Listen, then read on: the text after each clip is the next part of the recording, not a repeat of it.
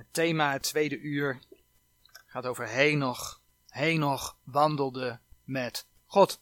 Vorige week hebben we onder het thema de grote verzoendag gekeken naar de betekenis van met name de weggaande geitenbok.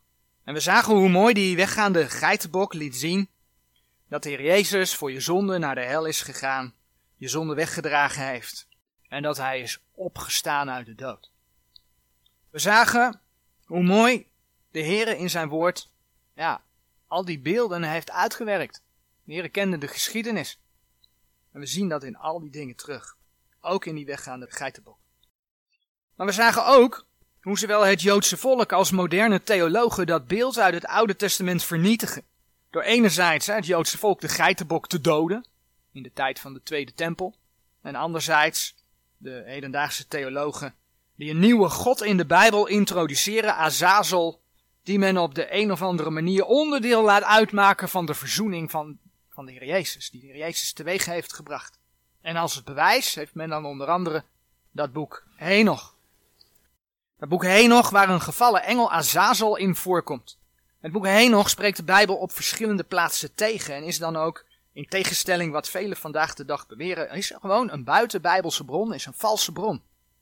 Op de site www.bijbelengeloof.com staat er een artikel over, onder de rubriek Bijbelvertalingen, overige artikelen, het artikel Het Boek Henoch. Kun je het nalezen. Maar hoe mooi is het dan om te zien hoe de Heer zijn woorden ook daarin bewaard heeft. Zelfs in de typologie. Gods woord is de waarheid. We gaan het dus niet zozeer, ook vandaag niet, niet zozeer over dat boek Henoch hebben, maar wel over de Bijbelse Henoch. Wie was hij? Maar toch wil ik heel kort iets zeggen over het boek Henoch. Iets wat namelijk ook bij andere dingen terugkomt. Dat mensen zeggen, zie je wel, het staat toch in de Bijbel? Er moet een boek Henoch zijn. Vaak wordt daar dan een Bijbeltekst voor aangehaald en dat is uh, Judas 14. Wat men dan gebruikt om te zeggen, Henoch moet echt wel een Bijbelboek geschreven hebben. Laten we dat vers lezen en we doen dat in de context. We gaan Judas 14 en ik zeg 14 tot 21, dat is niet hoofdstuk 14 tot 21, maar Judas kent eigenlijk geen hoofdstuk, dat is gewoon één brief. En dit is dus vers 14 tot en met 21. Gaan we lezen. En van deze heeft ook Henoch, de zevende van Adam, geprofiteerd, zeggende, Zie de Heere is gekomen met zijn vele duizenden heiligen, om gericht te houden tegen alle, en te straffen alle goddelozen onder hen, vanwege al hun goddeloze werken, die zij goddelooselijk gedaan hebben, en vanwege al de harde woorden die de goddeloze zondaars tegen hem gesproken hebben. Deze zijn murmureerders, klagers over hun staat, wandelende naar hun begeerlijkheden. En hun mond spreekt zeer opgeblazen dingen, verwonderende zich over de personen om des voordeels wil. Maar geliefde, gedenkt gij de woorden die voorzegd zijn door de apostelen van onze Heer Jezus Christus. Dat zij u gezegd hebben dat er in de laatste tijd spotters zullen zijn, die naar hun goddeloze begeerlijkheden wandelen zullen. Deze zijn het die zichzelf afscheiden, natuurlijke mensen, de geest niet hebbende. Maar geliefde, bouwt gij uzelf op uw allerheiligst geloof, biddende in de Heilige Geest. Bewaart uzelf in de liefde Gods, verwachtende de barmhartigheid van onze Heer Jezus Christus ten eeuwige leven. Tot zover. In vers 14, eigenlijk het eerste vers, hebben we gelezen, en van deze heeft ook Henoch, de zevende van Adam, geprofeteerd. Hier staat toch dat Henoch geprofiteerd heeft. Ja, dat klopt. Maar het vers gaat ook verder. Hij heeft geprofiteerd, zeggende. Zeggende. Henoch heeft het gesproken. Er staat niet dat Henoch het geschreven heeft. Gods woord zegt in 2 Timotheus 3 vers 16 dat al de schrift is van God ingegeven. Is het voor de Heere te moeilijk om Judas de woorden te binnen te brengen die Henoch gesproken heeft. En Judas heeft ze opgeschreven. Nee, dat is voor de heren niet te moeilijk. Absoluut niet.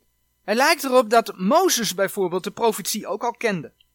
Toen Mozes het volk Israël zegende, zei hij namelijk in Deuteronomium 33 vers 2 het volgende. Deuteronomium 33 vers 2. Hij zeide dan, de Heer is van Sinai gekomen en is hun lieden opgegaan van Seir hij is blinkende verschenen van het gebergte Paran en is aangekomen met tienduizenden der heiligen. Tot zijn rechterhand was een vurige wet aan hen. Dat is een profetie over de tweede komst. Waar de Heere verschijnt met tienduizenden der heiligen. En ook Zacharia in Zacharia 14 vers 5 spreekt over de komst van de Heere met al de heiligen met u, o Heere. Zacharia 14 vers 5. Paulus die noemt het ook. 1 Thessalonicense 3 vers 13. Sommige profeten hebben het gesproken, andere profeten hebben het opgeschreven. Maar de Bijbel heeft dus geen enkel bewijs dat er een boek Henoch zou moeten zijn. Nou, wat wil nu het geval? De versen Judas 14 en 15, over dat Henoch profeteerde en dat het oordeel gaat komen. Dat vind je, als je het boek Henoch gaat lezen, dat vind je in Henoch 1 vers 9. Zie je wel, Henoch heeft het toch? Dus dan verwijst Judas toch naar Henoch? Nee, het zegt helemaal niets. De Essenen bijvoorbeeld, die kunnen vanuit de Joodse traditie, of die kunnen, die hebben vanuit de Joodse traditie kennis gehad. Het is alleen de vraag of de Essenen het geschreven hebben, vandaar dat ik kunnen zeg. Maar die hebben bijvoorbeeld die kennis vanuit de Joodse traditie gehad. Die hebben ook verder bijbelse kennis, alleen die hebben dat vermengd met allerlei esoterische kennis. Ja, en zo kan dat boek van Henoch, een esoterisch boek, ontstaan zijn. Over allerlei engelenleven. Omdat zij contact hadden met die engelenwezens. Een boek, Henoch, dat de Bijbel tegenspreekt. En zo zijn er meer voorbeelden. Voorbeelden in Gods woord te vinden. Bijvoorbeeld Matthäus 27 vers 9. Een mooi vers om als geleerde op te kunnen voeteren en te zeggen, ja, er zijn toch wel fouten gemaakt hoor bij het overschrijven. Matthäus 27 vers 9. Daar staat, Toen is vervuld geworden hetgeen gesproken is door de profeet Jeremia, zeggende, en zij hebben de dertig zilveren penningen genomen, de waarde des gewaardeerden van de kinderen Israëls, de welke zij gewaardeerd hebben. In dat vers, Matthäus 27 vers 9, daar staat dat het van Jeremia afkomt. Je ziet al in de tekstverwijzing die ze erbij plaatsen, Zacharia 11 vers 12, dat het blijkbaar in Zacharia staat. Nou, als je dat gaat opzoeken, Zacharia 11 vers 12 en 13, gaan we nu niet doen, dan zie je inderdaad dat datgene wat geprofiteerd is, in Zacharia staat. En hier in Matthäus 27 vers 9 in vervulling gaat. Opnieuw is het dan een fout, want het staat dus niet in het boek Jeremia. Nee, het is niet fout. Heeft de Heere zijn woord niet kunnen bewaren? Natuurlijk heeft de Heere zijn woord wel kunnen bewaren. Maar ook hier in Matthäus 27 vers 9 staat niet dat Jeremia het geschreven heeft. Hier in Matthäus 27 vers 9 lees je tot twee keer over toe dat Jeremia de woorden gesproken heeft. Gesproken.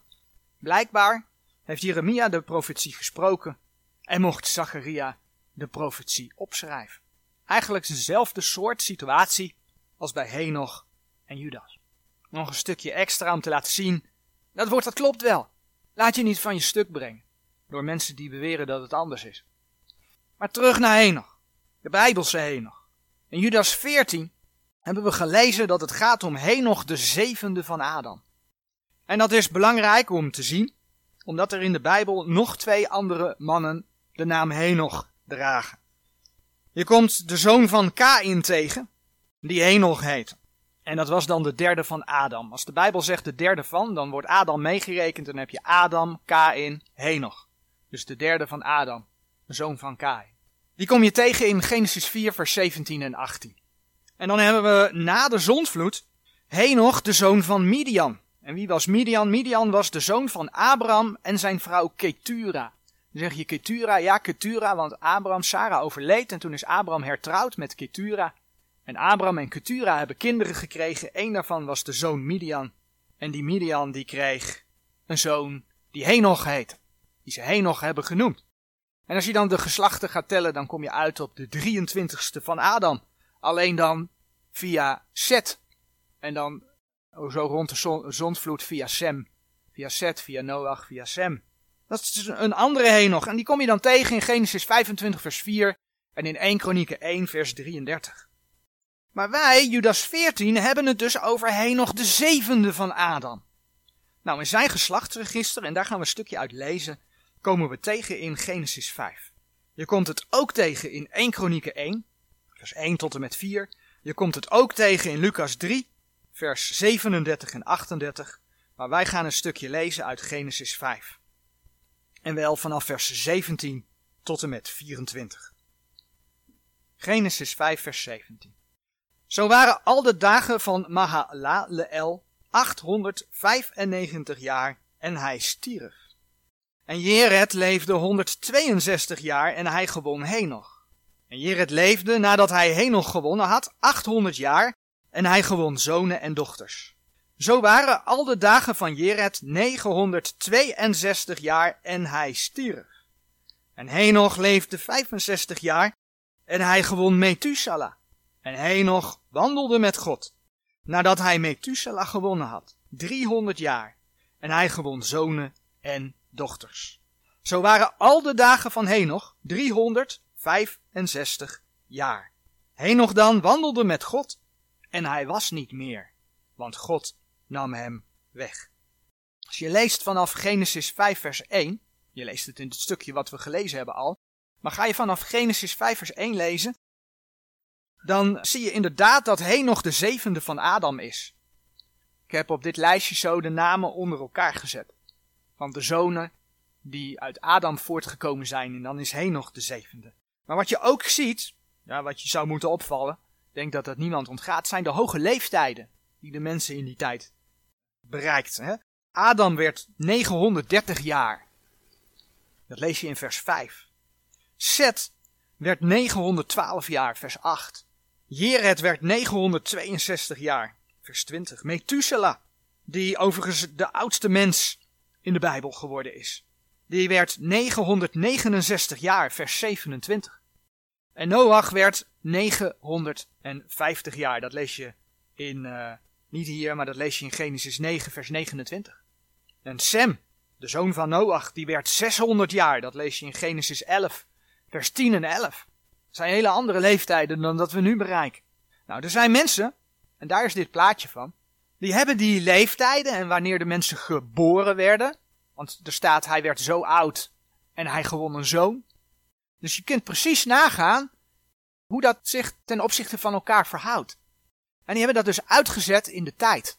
Vanaf ongeveer 4000 voor Christus tot op de zondvloed en daarna. Als je zo'n lijstje bekijkt, wat valt je dan op?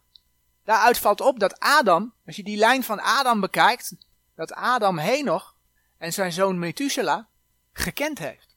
En wij lezen de Bijbel als, en dat komt erna. En dat komt er niet na. Omdat ze zo oud werden, speelt heel veel gelijktijdig. Adam heeft Henoch en zijn zoon Methuselah gekend. Methuselah, de zoon van Henoch, die heeft Noach gekend. Maar ook zijn zoon Sem. En Sem, de zoon van Noach, die werd 600 jaar, die heeft Abraham, Isaac en Jacob nog gekend. Mooi om dat zo te zien, hè? Weet je, als het om het boek Genesis gaat, als het om de schepping gaat, wat hoor je mensen dan vaak zeggen, ook in christelijke kring? Ja, dat is zo'n oud verhaal. En dat is van vader op zoon doorverteld. Weet je, de, de kern, dat zal wel iets van waarheid hebben. Maar nee, kom vooral niet aan met de details, want dat is zo lang, zo lang doorverteld. Dat is allemaal verloren gegaan. Dat is een beetje de strekking van wat je dan te horen krijgt. Even los van het feit dat wij geloven, hè, 2 Timotheus 3 vers 16, dat de Heere God zijn woorden ingegeven heeft, al de schriften, dus ook Genesis. Daar is eigenlijk alles mee afgedaan. Maar even los daarvan. Zien we dat er van dat hele verhaal van vader op zoon en de kern en oh die details, nee niet doen, want dat is zoveel eeuwen doorverteld, dat er van dat verhaal helemaal niks klopt. Helemaal niks niet. Noach, Noach, die had bijvoorbeeld, als je gaat tellen, zes levende voorouders die Adam gekend hebben. Ja, Noach had zes levende voorouders die Adam persoonlijk gekend kunnen hebben. De eerste 2157 jaar in de geschiedenis van 6000 jaar, ja, dat is een derde deel. De eerste 2157 jaar van de 6000 jaar aardse geschiedenis, die wordt gedekt door de levens van drie mannen. En dat zie je in dat schema, hè? als je Adam neemt, als je Adam neemt, als je Methuselah neemt, die 969 jaar werd, en als je Sem neemt, dan wordt de eerste 2157 jaar door de levens van drie mannen gedekt. En dat overlapt elkaar. Ik noemde al dat binnen het leven van Sem, dat daar ook Abraham, Isaac en Jacob binnenvielen. Met andere woorden, zelfs los van de inspiratie van de schrift is dat hele verhaal van de overlevering. Dat is helemaal, helemaal nooit onbetrouwbaar geweest. Adam heeft de scheppingsgeschiedenis en wat hij meegemaakt heeft over de val. Dat heeft hij tot op bijna Noach kunnen doorvertellen. Gewoon uit de eerste hand. In Judas 14 en 15, laten we die versen nog een keer lezen, hebben we gelezen dat Henoch profiteerde. Judas 14 en 15. En van deze heeft ook Henoch, de zevende van Adam, geprofiteerd, zeggende, zie de Heer is gekomen met zijn vele duizenden heiligen, om gericht te houden tegen alle, en te straffen alle goddelozen onder hen, vanwege al hun goddeloze werken, die zij goddelooselijk gedaan hebben, en vanwege al de harde woorden die de goddeloze zondaars tegen hem gesproken hebben. Henoch profiteerde. Nog niet zo heel lang geleden dat we bij profeten hebben stilgestaan. Degenen die bij de conferentie waren, nog korter geleden. Profeten waren de mond van God. God gaf ze de woorden in de mond. En we hebben dat toen gezien aan de hand van een voorbeeld van Aaron en Mozes. Je kunt dat vinden in Exodus 7, vers 1 en 2. God geeft de profeet de woorden in de mond. En zo profeteerde Henoch reeds over de tweede komst. Want daar gaan die versen over. Ja, en dat staat hier in het Nieuwe Testament, Judas, vlak voor openbaring. Het is ook vandaag nog toekomst. De Heere gaat met de zijnen komen, om te oordelen. Maar Henoch, Henoch heeft net als Noach, zeer waarschijnlijk ook geprofiteerd over de komende zondvloed. Want dit gaat over de tweede komst. Hoezo over de komende zondvloed? Nou, ik zeg allereerst zeer waarschijnlijk, omdat het niet letterlijk geschreven staat, maar de Bijbel geeft er wel aanwijzingen voor. Henoch was een profeet, profeten waren er om het volk te waarschuwen, dus profeten brachten een boodschap. Henoch wist ook van de zondvloed die gaan komen, en dat blijkt uit de naam van zijn zoon. In Genesis 5, vers 22, daar hebben we gelezen. Genesis 5, vers 22. En Henoch wandelde met God, nadat hij Methuselah gewonnen had. 300 jaar. En hij gewon zonen en dochters. Er staat geschreven dat Henoch wandelde met God nadat hij Methuselah gewonnen had. Blijkbaar is Henoch pas gaan wandelen met God toen zijn zoon geboren werd. En dan wordt het bijzonder wanneer we weten wat de naam Methuselah betekent. Want die naam Methuselah betekent namelijk, wanneer hij dood is, zal het gezonden worden. Wanneer hij dood is, zal het gezonden worden. Ik ga even terug naar het schema. Als je dan beseft dat in dat schema die streep, wanneer de zondvloed kwam, precies zit op het punt waar Methuselah overleed, dan weet je waar dat het voor staat. Wanneer hij dood is, zal het gezonden worden. Wanneer hij dood is, zal de zondvloed gezonden worden. Henoch heeft zijn zoon een profetische naam gegeven. En ja, dat is niet de eerste keer in de Bijbel, dat zie je veel vaker. Dat profetenzonen een profetische naam krijgen. En vaak is het dan ook nog de Heere God die die naam gegeven heeft. Je leest het van Abraham in Genesis 17, vers 19. Dat Abraham zijn zoon Isaac moet noemen. Je leest het van Jezaja, die een zoon krijgt en die zijn zoon een naam geeft, door de Heer opgedragen, zeg maar. De Heer heeft hem dat gezegd en die profetische naam was Maher Shalal Gaspas. Kun je vinden in Jezaja 8, vers 3 en 4. Zo gaf de Heere de profeet Hosea de opdracht om een van zijn kinderen de naam Lo-Rugama te geven en een van zijn andere kinderen Lo-Ami. Hosea 1 vers 6 en 9. Zo lezen we dat de Heere Josia zijn naam gaf met een profetische betekenis in 1 Koningen 13 vers 2. En natuurlijk, niet te vergeten, Jozef en Maria kregen de opdracht om het geboren kind de naam Jezus te geven. Een profetische betekenis, de Heere redt. Wanneer wij dan de profetische betekenis van de naam van een profetenzoon zien, Henoch, Methuselah, dan mag je daar Gods leiding en sturing in zien. Henoch was een profeet. God heeft Henoch dingen geopenbaard. Hij wist van de komende vloed. En hij wist klaarblijkelijk van de schaduw die dat vooruitwierp op de tweede komst. Want daar had hij ook over geprofiteerd, al dus Judas 14. En vanaf dat moment wandelde Henoch met God. Hij profiteerde, hij waarschuwde de mensen met Gods woorden. En deze Henoch, zegt Genesis 5, vers 24, dan wandelde met God en hij was niet meer, want God nam hem weg. En dan zoeken we daar Hebreeën 11, vers 5 bij. Hebreeën 11, het hoofdstuk van de geloofsgetuig. Daar komt Henoch ook in voor. En in Hebreeën 11 vers 5, daar lezen we. Door het geloof is Henoch weggenomen geweest, opdat hij de dood niet zou zien. En hij werd niet gevonden, daarom dat hem God weggenomen had. Want voor zijn wegneming heeft hij getuigenis gehad dat hij God behaagde. Henoch had getuigenis gehad dat hij God behaagde. En God nam hem weg.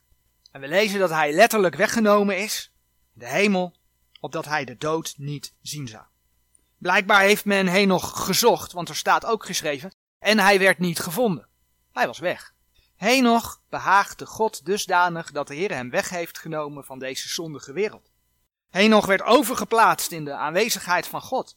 En dat gebeurde voordat de Heer God ging ingrijpen met de zondvloed. Overigens, als je aan dat schema denkt, blader toch weer even terug. Weliswaar 669 jaar voordat die zondvloed kwam. Maar de Heere had het hem wel laten zien dat die zondvloed zou komen. De Heere heeft hem erover laten profiteren. En voor die tijd nam God Henoch weg. En daarmee is Henoch een oud-testamentisch type van de gemeente, die de Heere gaat wegnemen, voordat zijn toren over de aarde gaat komen. Als lid van de gemeente van Jezus Christus mag je wachten op het moment van je wegneming. Dan zal je lichaam veranderd worden, zegt 1 Korinthe 15 vers 52. Zul je de Heere zien van aangezicht tot aangezicht. We kennen de versen, maar laten we er toch twee van lezen. 1 Thessalonicense 4. Dat is onze verwachting. 1 Thessalonicense 4 vers 16 en 17. Want de Heere zelf zal met een geroep met de stem des archangels en met de bazuin gods nederdalen van de hemel. En die in Christus gestorven zijn, zullen eerst opstaan. Daarna wij die levend overgebleven zijn, zullen tezamen met hen opgenomen worden in de wolken, de Heere tegemoet in de lucht. En alzo zullen wij altijd met de Heere wezen. En voor degenen die de opname van de gemeente logenen, omdat hun kerken Gods woord niet recht snijden. Denk eens na over de volgende vraag. Waarom zou God in de Bijbel, in het Oude Testament, door de mens heen nog, een situatie geven dat een mens als enige niet sterft om geoordeeld te worden? Een situatie waar een mens in het Oude Testament als enige de dood niet zag, is weggenomen en voor altijd bij de Heer is. Waarom is die specifieke situatie daar? Want dat beeld komt geheel overeen met wat de brieven aan de gemeente laten zien schrift met schrift vergelijken. Hij nog is een type van de gemeente. Even terzijde. Ik heb hier dat pijltje aangegeven omdat nog opgenomen wordt. Is. Bij Noach heb ik dat pijltje niet gezet. Toch is daar ook sprake van een soort van opname. Maar wel anders. Heel vaak gebruiken we Noach, dat doe ik ook. Noach als voorbeeld om te laten zien dat God de zijne redt op het moment dat zijn toren over de aarde gaat komen. Want God redde Noach. Klopt. Maar eigenlijk is het voor de gemeente niet helemaal correct. Want Henoch werd opgenomen. Maar Noach bleef achter. Noach bleef achter en wordt eigenlijk door het oordeel heen gered. Noach maakte mee dat de sluizen des hemels geopend werden. God had ervoor gezorgd dat hij die ark kon bouwen. Maar Noach werd door het oordeel heen gered. Henoch werd opgenomen. Zoveel tijd later wordt Noach door het oordeel heen gered. Dat is een beeld van Israël. Israël die door de grote verdrukking moet, door de grote verdrukking tot geloof komt, en aan het eind van de grote verdrukking door God gered wordt. En dan is er ook sprake van een soort van opname aan het eind van die grote verdrukking. Daar hebben we onlangs nog bij stilgestaan. Dat past eigenlijk allemaal bij die teksten, Matthäus 24 en 25, Jesaja 10 vers 20, Jeremia 30 vers 5 tot en met 9 en Openbaring 12 vers 13 tot 16. Die laten zien dat God Israël door de grote verdrukking laat gaan en op het einde van die grote verdrukking redt. Het overblijfsel. Het overblijfsel. Zoals gezegd, dat terzijde. Nu staat er van Henoch geschreven dat hij dan wandelde met God en hij was niet meer. Dat hebben we in Genesis 5 vers 24 gezien. Als je dat letterlijk op de gemeente toepast, dan suggereert dat dat je de Heer moet behagen, omdat je er anders niet bij zou zijn. Nou, dan krijg je te maken met het recht delen van de schrift. En dat je dan moet zien, dat je moet beseffen, dat Henoch in het Oude Testament leeft. Dat Henoch niet in de gemeentetijd leeft. En onlangs hebben we in de boodschap, moet je bang zijn om de opname van de gemeente te missen. Gezien dat als je de Heer Jezus als je persoonlijke verlosser hebt aangenomen, dat je bij de opname bent. Maar mag je zeker weten. God haalt zijn kinderen thuis. Je wandel heeft daar geen invloed op. Dat is het verschil tussen Henoch en nu en de gemeente. Maar toch is je wandel ook vandaag de dag, tijdens de laatste dagen van de gemeente, wel degelijk van belang. Toen we het over de offers hadden en stilstonden bij je toewijding aan de Heer door middel van de geestelijke offeranden, zagen we dat de Heer van je vraagt om elke dag je lichaam te bedwingen. Elke dag te wandelen, te werken, te geven tot eer van de Heer. Elke dag de Heer te danken en te loven. Dat is toewijding. Dat heeft te maken met, wat gelaten 5 vers 25 zegt, wandelen naar de geest. Of zoals we in Efeze 2 vers 10 gezien hebben, dat je wandelt in de werken die de Heer voor je voorbereid heeft. Heeft niks met je behoud te maken, maar dan kom je tot geloof en dan ga je tot eer van de Heer leven. Dan wandel je in de werken die Hij voor je voorbereid heeft. Efeze 2 vers 10. Nogmaals, daardoor word je niet behouden. Als kind van God ben je behouden. Maar daardoor verzamel je, daar hebben we ook bij stilgestaan, wel loon en kroon voor in de eeuwigheid. Je verzamelt vrucht ten eeuwige leven. Nou, Henoch leefde in het Oude Testament. Daarmee was zijn situatie anders. Hij was niet wederom geboren, bijvoorbeeld. Dat kon niet in die tijd. De gemeente was er nog niet. Heer Jezus was nog niet gestorven. Heilige Geest was nog niet uitgestort. Maar Henoch is ons wel als voorbeeld gegeven. Henoch, Hebreeën 11 vers 5, leefde wel door geloof. En daar wandelde hij na. En daarmee hebben we ook in Hebreeën 11 vers 5 gelezen, behaagde hij de Heere. Die tijd van Henoch en Noach, die begint zich te herhalen. Dan komt zelfs de boodschap van de dwazen uit het westen nog naar voren, want dat gaat over de dagen van Noach. Die gevallen engelen die op de aarde kwamen. Het begint zich te herhalen. De dagen van de tweede komst van de Heer Jezus, die worden in Gods woord, Matthäus 24 vers 37, ook wel omschreven als gelijk de dagen van Noach waren. Henoch wist dat de zondvloed zou komen. De Heere God had het hem verteld. Nu is het zo dat wij als gemeente mogen weten dat de Heer Jezus ons zal komen halen voordat Gods toren over de aarde zal komen. Waarschijnlijk heeft Henoch dat niet geweten, dat hij opgenomen zou worden. Maar hij wist wel dat de Heere zou gaan ingrijpen, na het leven van zijn zoon. Henoch die begon met de Heere te wandelen toen die zoon geboren werd. Ik heb hier het stukje van het schema van, van Henoch en Methuselah eruit gehaald. En die streep staat dus voor het moment van de zondvloed. Henoch, toen hij 65 was, werd Methuselah geboren.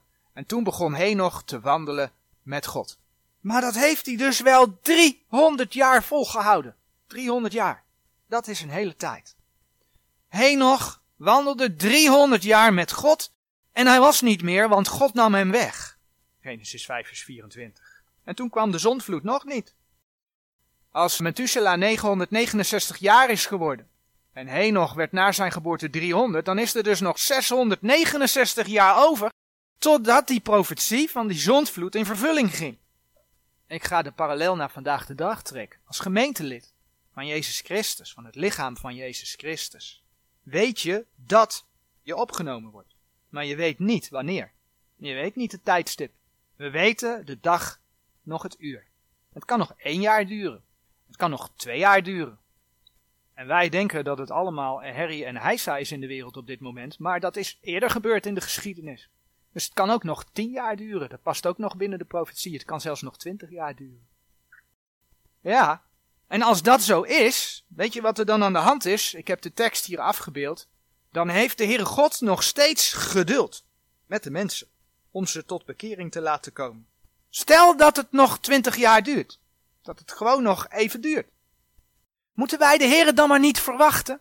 Nee, natuurlijk niet. Laat ik dat anders uitdrukken. Ja, natuurlijk wel. Want de Heere laat in zijn woord zien dat hij daar zelfs een beloning voor geeft. Hij wil dat je hem verwacht. 2 Timotheus 4 vers 8. Een van de kronen heeft daarmee te maken. Voorts is mij weggelegd de kroon der rechtvaardigheid, welke mij de Heere, de rechtvaardige rechter, in die dag geven zal. En niet alleen mij, maar ook alle die zijn verschijning liefgehad hebben. Als je een gezond christen bent, en nee, dat bedoel ik dus niet lichamelijk, maar geestelijk. Als je een gezond christen bent, dan zie je uit naar de ontmoeting met je Heer. Dat verlangen hoort er te zijn, anders klopt er iets niet. Houd dat vast. Het is niet mijn bedoeling om jullie naar huis te laten gaan met, oh, de Heer komt, ja, de Heer gaat komen. Alleen we weten niet wanneer. Waar het me wel om gaat is dat we er op een gezonde manier mee om moeten gaan. Als er veel gebeurt in de tijd, dan moeten wij ons als christen, omdat we vreemdelingen en bijwoners op deze aarde zijn, niet onrustig laten maken. Zeker niet door allerlei video's van christenen die door al die gebeurtenissen denken dat de Heer toch echt dit jaar komt. Want ja, het IMF dit, het IMF dat. Of sommigen die misschien wel denken dat het de komende maand al komt. En ik zeg niet dat het niet kan, hè. Dat wil je mij niet zeggen. Alleen, het is al zo vaak gezegd en nu moet de Heer komen. En de Heer lacht hoor. Omdat jij het zegt zeker. Nee, de Heere God bepaalt wanneer. Je weet het niet. Eh, persoonlijk denk ik dat de komst van de Heer voor zijn gemeente nabij is. Maar wie ben ik? Klein mensje. De Heere zegt dat wij van die toekomstige dingen de dag nog het uur weten. Je vindt dat in Matthäus 24, vers 36. En dan zijn er misschien mensen die zeggen: Oh, wacht even, dat is over de tweede komst. Je hebt niet voor niks dit schemaatje afgebeeld. Ja, dat klopt. We weten de dag nog het uur van het moment dat de Heer Jezus terugkomt om zijn duizendjarig vrederijk op te richten. Maar als je dit niet weet, dan weet je ook niet exact wanneer het die zeven jaar daarvoor ongeveer, want dat is ook ongeveer, de opname van de gemeente zal zijn. Oftewel, ook daarvoor geldt, we weten de dag nog het uur. We weten het. Dus wat moet je dan doen? Help! Net als Henoch. Wandelen met God.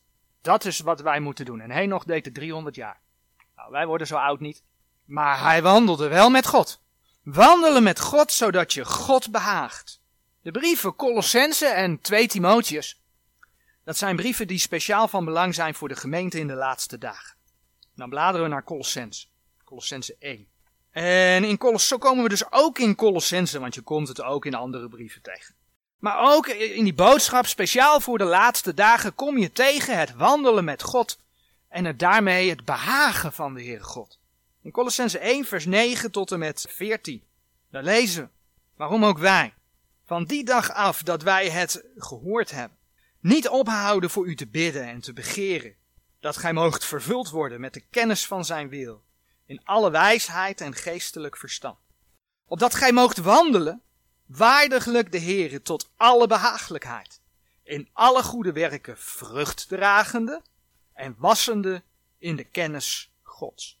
Met alle kracht bekrachtigd zijnde, naar de sterkte zijner heerlijkheid, tot alle leidzaamheid en langmoedigheid met blijdschap.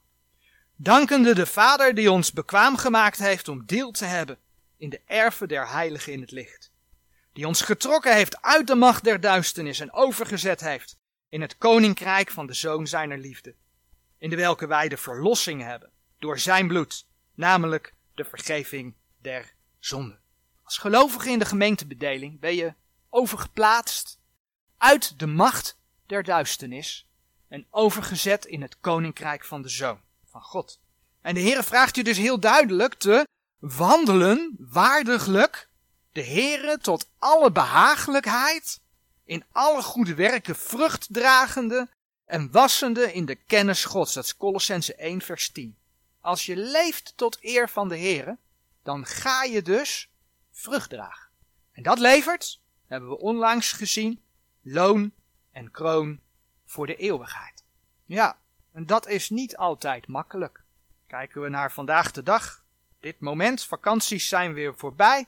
Je bent misschien op het werk begonnen, je bent misschien weer met school begonnen. Een nieuw schooljaar, misschien zelfs wel een nieuwe school, een hele nieuwe omgeving. En velen in de wereld kennen de Heere niet. Velen willen de Heere niet kennen. We leven in een wereld die met de Heere spot. De versen die we vanmorgen gelezen hebben in Judas, gaan we weer terug naar Judas. Die staan in de context van de tweede komst. Ja. Maar opnieuw betekent dat dat als we richting de tweede komst gaan, dat we ook richting de opname van de gemeente gaan. Dus wat voor de tweede komst geldt, daarvan zien wij nu ook dingen om ons heen gebeuren, omdat het nabij is. En kijk hoe die wereld is. Judas 16. Deze zijn murmureerders, klagers over hun staat, wandelende naar hun begeerlijkheden. En hun mond spreekt zeer opgeblazen dingen, verwonderende zich over de personen om des voordeels wil. Wow, dat gaat over de mensen van vandaag, de dag. Mensen klagen en mopperen staat daar. En dat doen we als christenen vaak aan mee. In plaats van dankbaar te zijn voor alles wat de Heer nog gegeven heeft. Ook in deze tijd. Tijdens de conferentie was er één mooie preek. Dat ging over het feit dat we ons zo zorgen maken over alles wat er in deze tijd gebeurt. Is van broeder Henk, broeder Henk Thomassen. Met alles wat er in deze tijd gebeurt. Maar als je dan kijkt wat de levensstandaard nog steeds is, ondanks alles wat er gebeurt. Als je dat vergelijkt met de levensstandaard van de mensen in 1920, 1820 en ik dacht dat hij ook nog 1720 besproken heeft. En dan hebben wij gewoon, als je naar die dingen kijkt, al zoveel reden om de Heer nog steeds te danken. Als je het wil luisteren, als ik het goed heb, heeft de boodschap de titel op het eh, YouTube kanaal SV 1637 Genadetijd in een boze wereld. Ik vond het een mooie boodschap om naar te luisteren. Een boodschap die laat zien dat ook we in deze tijd nog steeds veel om te danken hebben. Nou, helemaal als je bedenkt dat de Heer zegt dankt onder alles natuurlijk. Maar, goed. Mensen klagen en mopperen in plaats dat ze dankbaar zijn. Mensen zijn in de laatste dagen vaak met zichzelf bezig. Ik, met het ik. En dat zie je ook in de gemeente. Het mooie is als je deze versen van Judas legt naast wat Paulus aan de gemeente schrijft in 2 Timotheus 3 vers 1 tot en met 5. Dan zie je precies hetzelfde. De mens is met het ik bezig. Men wandelt naar de eigen begeerlijkheden. En dat uitzicht dan onder andere in, als mensen hun zin niet krijgen, zijn zin niet krijgen, dan gaan ze via omwegen, gaan ze zichzelf naar voren schuiven, om alsnog hun zin te krijgen. Men krijgt, dat zegt dat vers ook in Judas, men krijgt opgeblazen woorden. Want ja, als je dat gaat doen, dan ga je jezelf dus beter voordoen dan je eigenlijk bent. En dat allemaal, Judas 16, eh, voor het eigen voordeel. Voor het ik. Kijk mij eens staan. Ook leven we in een tijd waarin veel gespot wordt. Gisteren ook weer gemerkt als we op straat staan dat mensen gaan lachen als je over de Heer Jezus spreekt. Gaan lachen als je over de God van de Bijbel spreekt. Mensen boos worden. Is één man die stond helemaal te trillen. Die was gewoon echt, die was kwaad. Mensen spotten ermee. Die man die begon letterlijk keihard te vloeken. Judas 18 zegt, dat zij u gezegd hebben dat er in de laatste tijd spotters zullen zijn, die naar hun goddeloze begeerlijkheden wandelen zullen. Men spot met God om naar de eigen begeerlijkheden te kunnen wandelen. Dus ja, in die tijd leven wij. Daar kom je mee in aanraking als je naar je werk moet, als je naar school moet, kom je op andere manieren mee in aanraking. Want we leven in deze wereld. En toch lezen we dan in Judas 20 en 21 maar geliefden, bouwt gij uzelf op uw allerheiligst geloof. Biddende in de Heilige Geest. Bewaart uzelf in de liefde Gods, verwachtende de barmhartigheid van onze Heer Jezus Christus ten eeuwige leven. Zie op Hem. Zie op de dingen die boven zijn, niet die op de aarde zijn. Colossense 3 vers 2. En wandel, net als Henoch, met God. Waarom gaf God de profeet? Zodat mensen gewaarschuwd werden. Er zijn vandaag de dag geen profeten. Weet je wat we wel hebben? Het profetische woord. Het profetische woord van God. En dat is het woord dat gepredikt, niet geprofiteerd, want die profetieën hebben we in de schrift. Dat is het woord wat gepredikt mag worden, gebracht mag worden. En in de context van dat alles in Judas, lezen we dan in Judas 23, Judas 23. Maar behoud anderen door vrezen en grijpt hen uit het vuur. Ja, de mensheid die zich door hun ongeloof overgeeft aan de zonde, die wacht het oordeel. Kijk maar in Judas 15. Dat staat er echt.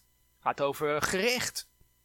En uiteindelijk, openbaring 20 vers 15, gaat er uiteindelijk de poel des vuurs. Dus wandel met God. En waarschuw mensen, zodat ze de kans geboden krijgen om zich te bekeren. 2 Petrus 3 vers 9. Dat is wat God wil.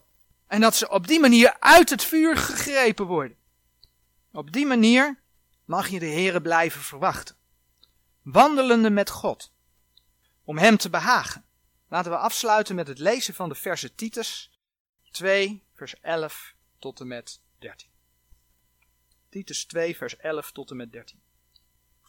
Want de zaligmakende genade Gods is verschenen aan alle mensen. En onderwijst ons dat wij de goddeloosheid en de wereldse begeerlijkheden verzakende matiglijk en rechtvaardiglijk en godzaliglijk leven zouden in deze tegenwoordige wereld, verwachtende de zalige hoop en verschijning der heerlijkheid van de grote God en onze zaligmaker Jezus Christus. Amen.